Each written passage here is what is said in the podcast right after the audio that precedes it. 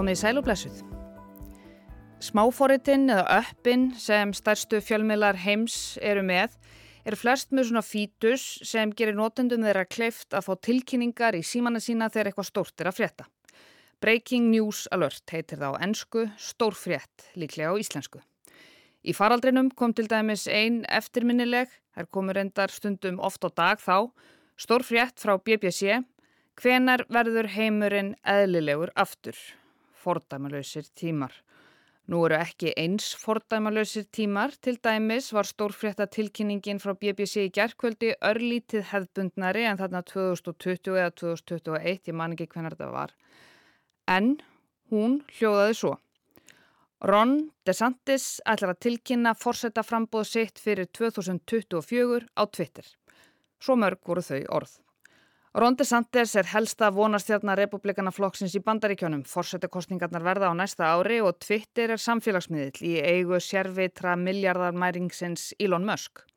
Og ég heiti Sunna Valgeradóttir og stýri fréttaskýringaþættinum Þetta helst sem í dag verður helgaður þessari þrennu í stórfréttatilkynningu BBC, Ron DeSantis, Twitter og Elon Musk. America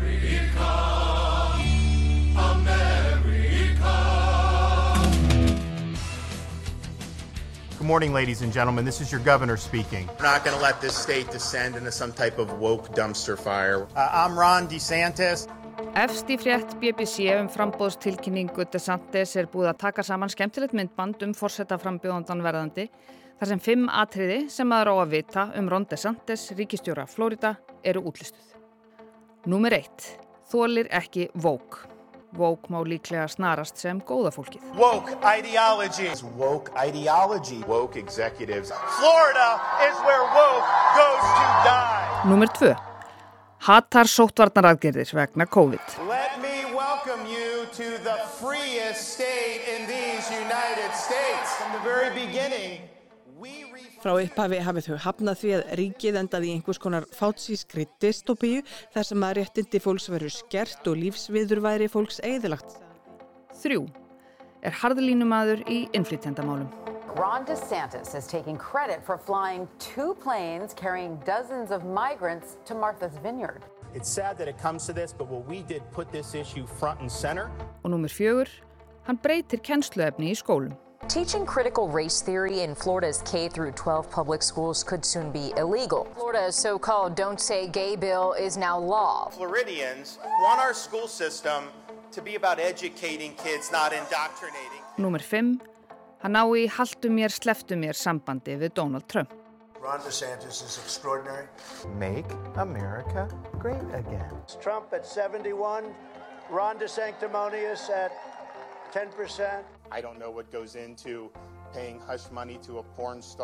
Ríkistjórin ætlar að tilkynna formulega um fórsetaframbóð sitt fyrir kostningarnar í bytni útsendingu á Twitter. Svo virðist sem eigandin Elon Musk ætli að vera honum til halds og tröst. Og þetta á allt saman að gerast klukkan tíu í kvöld miðvíkudag að íslenskum tíma. Ron DeSantis verður þar með helsti andstæðingur mannsinn sem hann á í fyrrnemdu haldu mér, sleftu mér sambandi við sem er líka búin að tilkynna um frambóð en er að vísu í örlítið öðru stúrsi þessa dagana þar sem réttarhöldinn í málinu hans, hann er ákjörður fyrir bókaldsbrot og brot gegn kostningalögum, þau hefjast í mars, í miðri kostningabaróttu. En við förum líklega nánar út í það í einhverjum öðrum þetta helst þætti í framtíðinni. Við viljum ekki að láta Trump stela þrumunni hans DeSantis núna. Það verður líklega nóa því á næstu mánuðum. Allavega, ríkistjóri Flórida. Hann með náða að koma sér hressilega á kortið, svo hressilega að við gerðum einmitt þátt sérstaklega um hann í þetta helst í desember.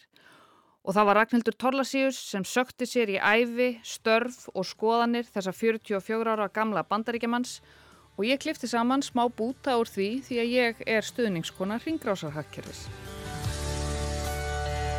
Þetta er lægið Sweet Florida, þar sem að bræðurnir Johnny og Donny Van Sant frá Jacksonville róma ríkistjóran, stjórnunarhætti hans og að sjálfsögðu Florida ríki.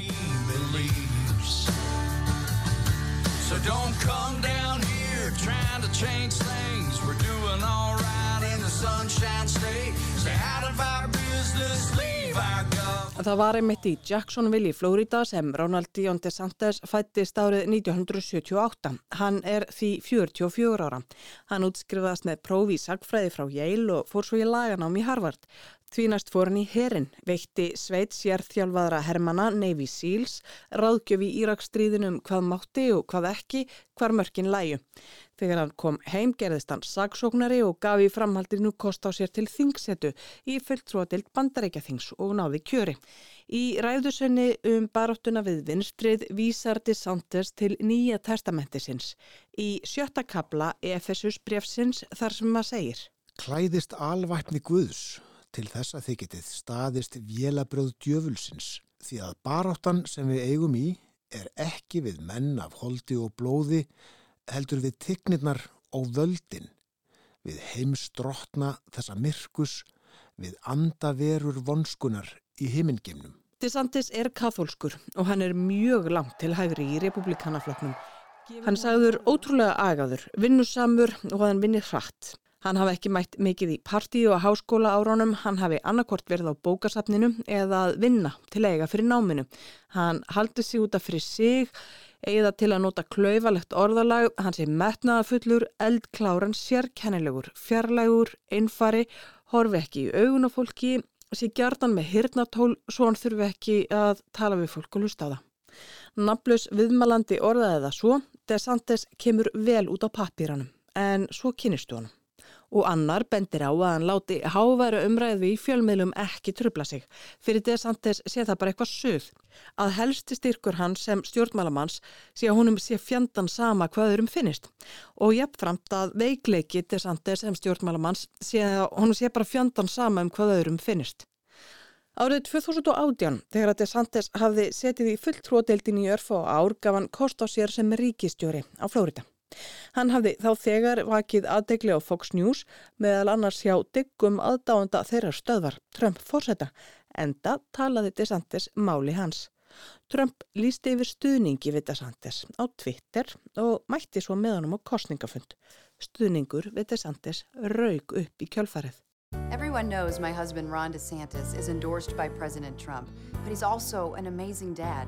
Ron loves playing with the kids. Build the wall. He reads stories. Then Mr. Trump said, Í auglýsingunni byrtist hinn heitlandi eiginkona DeSantis, Chasey, glæsileg og þaul vön dagskrákjara konu úr sjómarpi og þar eru börnin þeirra, þá tvö, lítil stúlka með kuppa og nokkura mánada gamall drengur í rauðri Trump samfellu. Og þó að það þykja ekki góð latína að nota börnin sinn í kostningauglýsingum er auglýsingin fyndin. Mjög fyndin. Maður getur eiginlega ekki annað en kunnað vel við þetta myndar fólk á skjánum sem verðist hafa svo mikinn húmor fyrir sjálfu sér. DeSantis bar sigur úr bítum í kostningunum haustið 2018 og tók við sem ríkistjóri þriðja fjölmennasta ríkis bandaríkjana, Flórida, í janúar 2019 og núna í haust var hann svo sannarlega segurvegar í kostningana. Í Flórida var hann endur kjörin með 60% atkvæða, fekk einni og halvri miljón fleiri atkvæðin mótherrin en það sem meira er, hann var eiginlega tákgrætt segurvegar í kostningana á landsvísu. Margir byggust við því að republikanar myndu rúla kostningunum upp en svo gerðu þeir það ekki og þeim stjórnmálamönnum sem að Trump stutti sérstaklega gekk almennt ekki vel. Ron DeSantis fagnaði sigri eins og vera ber í siguræðu og þar gaf hann því undir fótinn eins og margar grunar að hann stefnið hærra, stefnið að því að verða fórsæti bandarækjum.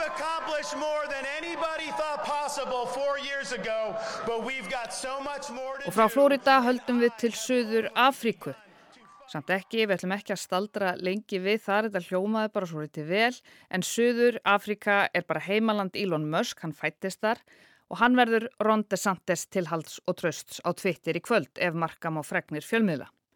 Tilkynningin verður sínda á svokulluðu Twitter Space eða í Twitter rými sem gerir fólki kleift að ná til áhorfenda og leifir notendum eða áhorfendum eða hlustendum sem leiðis að eiga samskipti og kommenta og svoleiðis Twitter Space. Samkvæmt Fox News heldur tæknitröllið David Sachs utanum þetta allt saman, hann er mikill vinur mösk og stuðningsmaður DeSantis. Annað væri líka skrítið. Mörsk er búin að rítvíta eða endurtýsta tilkynningunni um þetta allt saman sem er sannilega einhvers konar staðfesting á því að þetta muni eiga sér stað. skildi maður ætla. Mörsk saði vist á einhverjum viðburði sem var haldinn af fjölmiðlinum Wall Street Journal að þetta verði í fyrsta sinn sem tilkynning af þessari stærðargráðu fari fram á samfélagsmiðli. Hann sagði við fólkið á viðburðinum að hann væri ekkert endilega að lýsa yfir stuðningi við DeSantis heldur væri hann með þessu að undirstryka að Twitter væri bara almenningsrými nútímans. Tork fyrir alla, Public Square. Mörsk hafði reyndar áður líst í yfir í november í fyrra að hann væri stuðningsmaður DeSantis. En talandi um november í fyrra, Twitter og Musk þá fjallaði Snorri Rafn Hallsson einmitt um nákvæmlega það. Tilefnið 44 miljardar dollara verðið sem Musk greiti fyrir kaup sín á miðlinum. Höldum ringrásar hakkerfinu áfram og revjum upp hvernig það var alls saman. Áhrifamáttur Twitter er ástæðan fyrir kaupum Musk á miðlinum. Þegar hann læði tilbúið fram í april á þessu ári, sæði Musk að það væri ekki til þess að græða peninga, heldur vegna þess að Twitter sé reynd stafrænt bæjartorg og það skipti máli að fólk geti og upplifi að það geti tjáð sig þar innan ramma lagana. Frelsun fugglsins er þannig í raun tilraun Musk til að standa vörðum málfrelsi á netinu. Að aflétta hömlum á rittskoðun þá fyrst getur fugglin raunverulega flóið. Við heyrum hér brot úr umfyllun Guðmundar Björns Þorbjörnssonar úr heimskviðum hér á rás 1. 30. april. Frá því tilkynnt varum yfirtöku tilbóð Musks í Twitter hafa Ímis mannreitnendasamtök líst yfir þungum áhyggjum. Það er á meðal Human Rights Watch sem hafa áhyggjur af því að haturs orðræða geti fengið að standa óáreitt á Twitter ef slakað verður á reittstjórnareglum Twitter og reitt skoðun en Musk hefur líst því yfir að honum þykir þær of strangar. Hann segist alltaf banna ólöglegt efni á miðlinum en ekkert gefið upp um hvort haturs orðræða á borð við kynþáttahatur og annað netnýð verði bannað. Þá hefur frangöldastjóri ACLU, samtaka um borgarlegi réttindi bandrækjumanna, sagt að þessi beinlýnis hættulegt að færa öll þessi völd í hendur eins manns og hafa mannreitindarsamtökin Amnesty International sömulegis benda á að það sé versta mál ef Twitter hættir alfarið að breðast við hattusorðræðu gegn konum og kynsegin fólki á miðlinum. Mörsk skilgreinir sjálfan sig sem nokkur skonar bókstafstrúar mann þegar kemur að málfrelsi, ei free speech fundamentalist sem hann sagði í tilkynningu vegna kaupana vera grunninn að starfandi líðræðisaríki. Twitter væri svo stafræna bæjartorkið þar sem deilt er um málefni sem eru mikilvæg fyrir framtíð mannkins. En hver málfrelsis stefna mösk inni á miðlinum sjálfum verður er sem fyrir segir nokkuð óljóst. Mannreitinda sérfræðingurinn David Green bendi nýverð á að það sé mitt margt sem bendi til þess að skilgrinning mösks á málfrelsi sé hansi þraung og takmörkuð Forreitinda á valdastaða hans geti gert aðverkum að erfitt sé fyrir hann, sem hann hugsalega brátt hafa valdi yfir málfrelsi og reitskóðun 200 miljón daglegra notenda Twitter, að skilja þýðingu málfrelsis fyrir þá sem hafa það ekki. Musk er sem áður segir tekin við sem eigandi og forstjóri Twitter, en það máttur reyndar litlu muna að ekkert yrði af kaupunum. Þegar Musk læði tilbúðið fram, saðist hann ætla að skera upp herur gegn bottum, sjálfvirkum gerfi aðgöngum sem talið er að hafa haft áhrif á kostningar víða um heim með því að magna upp áróður frá ríkjum eins og Rúslandi. Í mæ tilkynnti Musk að kaupin hefði verið sett á ís í kjölfar skýslu um að 5% aðganga á Twitter væru slíkir botar, mun fleiri en hann hafði ætlað. Vandamálið sem hann ætlaði að leysa með því að kaupa Twitter var skyndilega ástæðu þess að hann vildi hætta við. Hlutabrifi Twitter fjallu um 10%.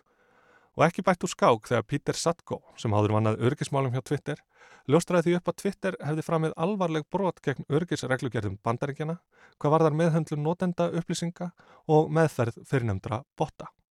Eftir ótal stefnur fram og tilbaka varð mösku ljóst að hann gæti ekki hætt við. Kaupin gengu í gegn. Hans fyrsta verk var að reka fórstjóran Parag Agrawal og taka sæti hans. Þeir höfðu átt í miklum deilum undanfarna mánuði en einnig fengu að fjúka þeir Ned Segal, fjármálastjóri Twitter og Sean Edgett, aðal lögfræðingur fyrirtækisins. Þar að auki var Vijaya Gadde rekin, en hún fór meðal annars fyrir því að aðgangi Trumps skildi lokað og hefur hún leitt baráttuna gegn haturs orðræðu og hriðverkastarfsemi á Twitter. Fóriðarar Twitter hafa heldur ekki geta átt við kóðan undanfarnar daga meðan eigandaskiptin standa yfir og hafa umræðustjórar fyrirtækisins ekki haft aðganga þeim tólum sem þeir nota til að framfylgja notkunar skilmálum Twitter nema að afar takmörkuðu leiti. Musk kifti Twitter að eiginsögn til að hjálpa mannkininu.